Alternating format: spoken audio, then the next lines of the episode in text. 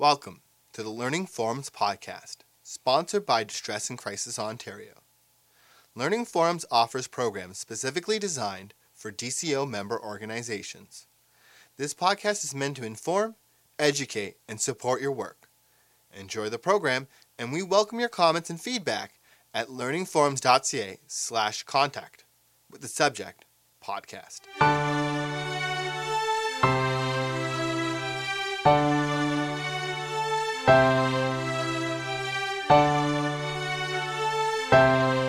Hello, my name is Joseph Jelitovic. I work at the Cross Cultural Learning Center in the settlement sector. And Cross Cultural Learning Center has been in existence since 1968. I've been with the agency for 20 years. My name is Emily Lowe, and I work for Collège Boreal, where I manage settlement teams as well as language training for newcomers as an ESL, and also an entrepreneur service that we offer for newcomers.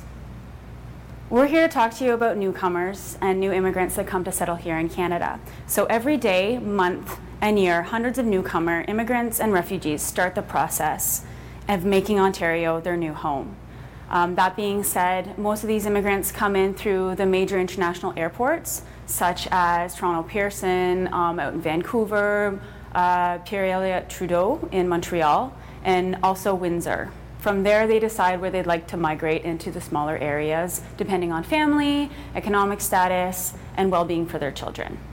And uh, newcomers immigrate to Canada through different categories. So you would maybe come across uh, the clients that is a permanent resident, accepted refugee or convention refugee, and refugee claimants.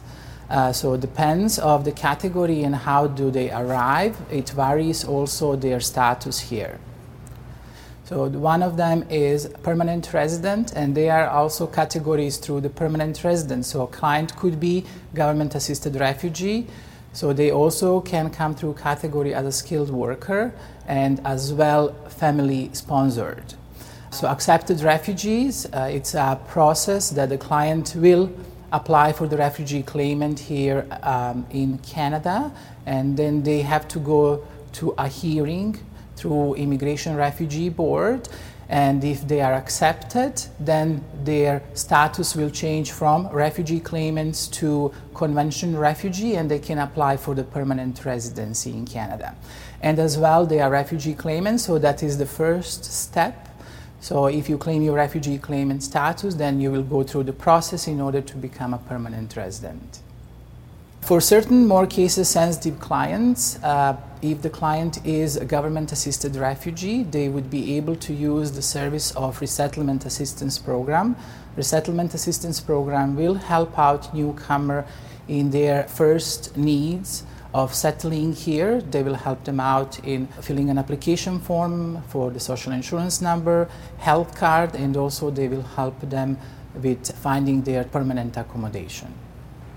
For any other questions regarding immigration status or what they need once they arrive, you can see www.cic.gc.ca. There is an English version and a French version to this website, full of many, many links to help you with any of the questions that you may have. Also, there is a settlement.org website that helps if you are looking for services and programs that are offered in each region of Ontario. So it's very interactive. You can click on it, it'll show you the different areas, what you're looking for, and even the phone numbers and contacts for every agency. So from now on, we'll give you a brief description of some programs that your clients would be able to use the services in a settlement agencies. So we do have most of the agencies, they provide the settlement workers or counselors the settlement worker or counselors can assist the client in immediate needs, settlement plans, uh, where to find the services, and there is also the website if you need detailed information. It's www.settlement.org. Some agencies, as us, Cross Cultural Learning Center, we do provide the services for the LGBTQ newcomers, lesbian, gay, bisexual, and transgendered Uh, so, like you know, in other other cities, most likely there is settlement agencies who could assist. The reason why we identified LGBTQ settlement counselor is so that client would feel more comfortable talking about their issues and problems.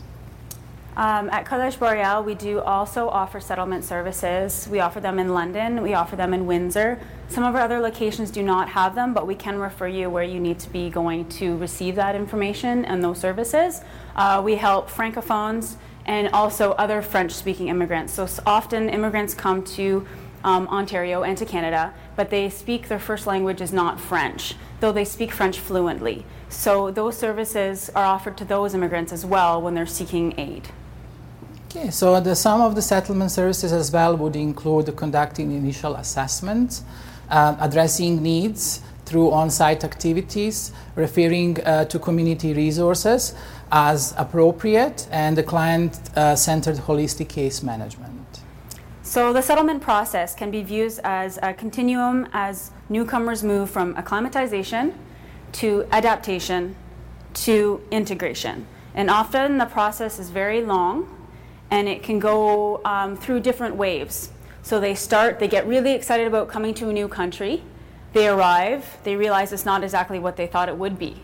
So therefore, they have to climb that mountain again to get back to the top. And then maybe they want to go back to their country to visit family and friends.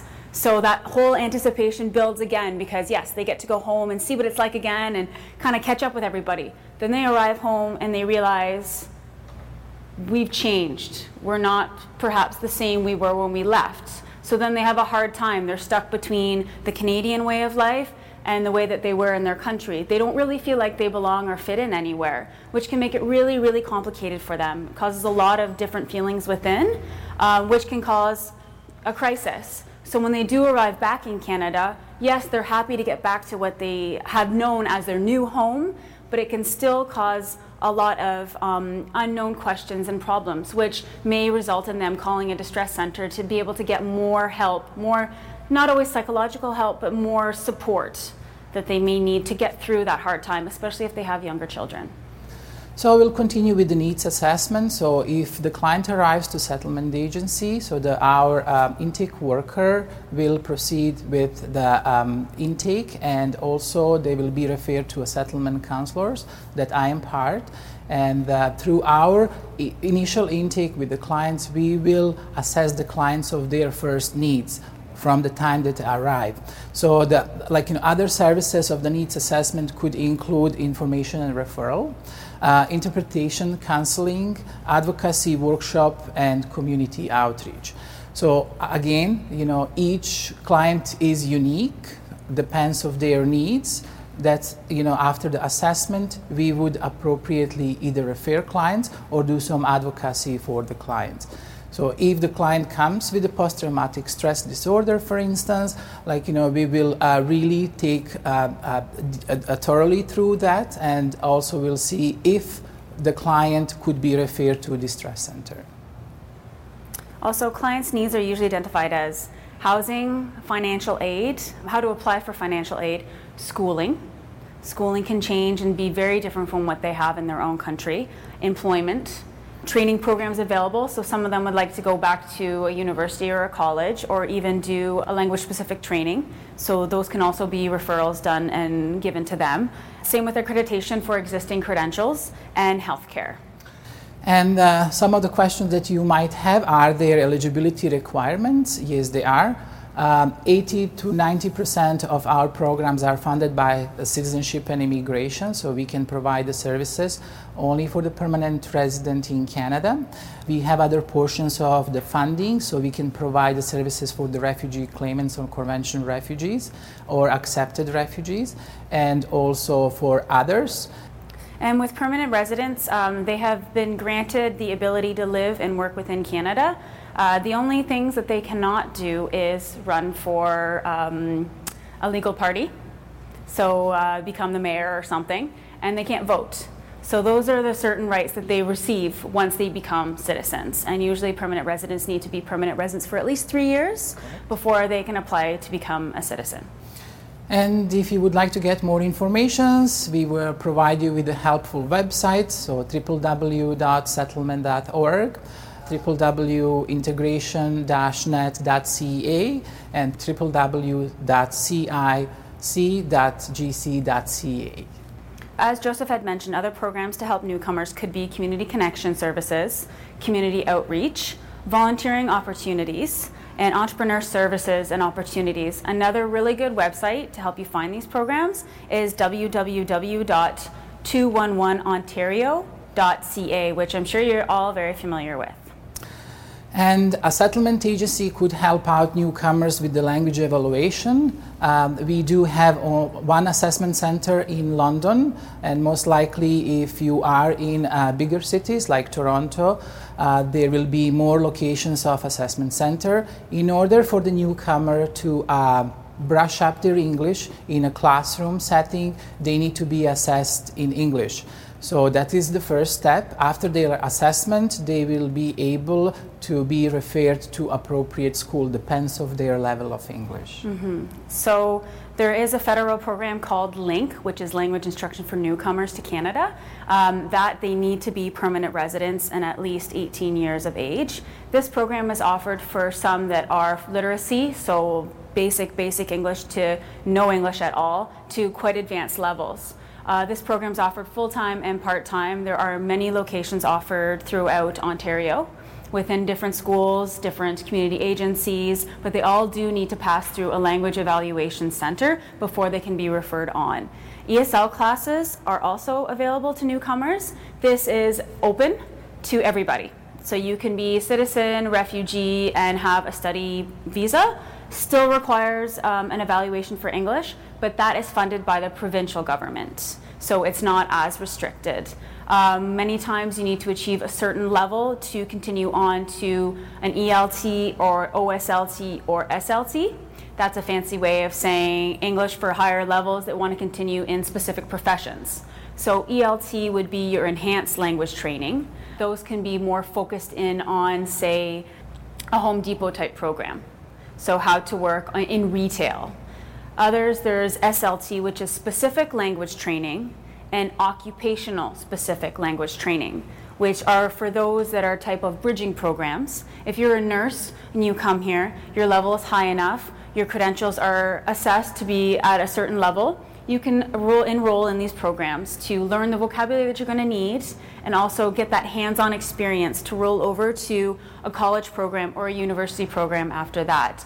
Those have their own entry fees and language evaluations that they'll make you take before they'll actually accept you. But these other programs are free of charge for newcomers and they help get their English and their vocabulary up to a certain level to make it easier for them to integrate into these types of programs.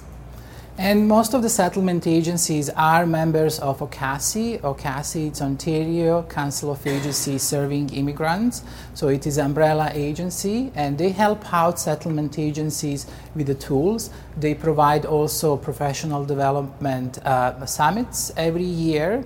And through OCASI, you can get information. It's a bilingual website and is a project of OCASI and provides information and referral to newcomers and especially to youth through the province of Ontario.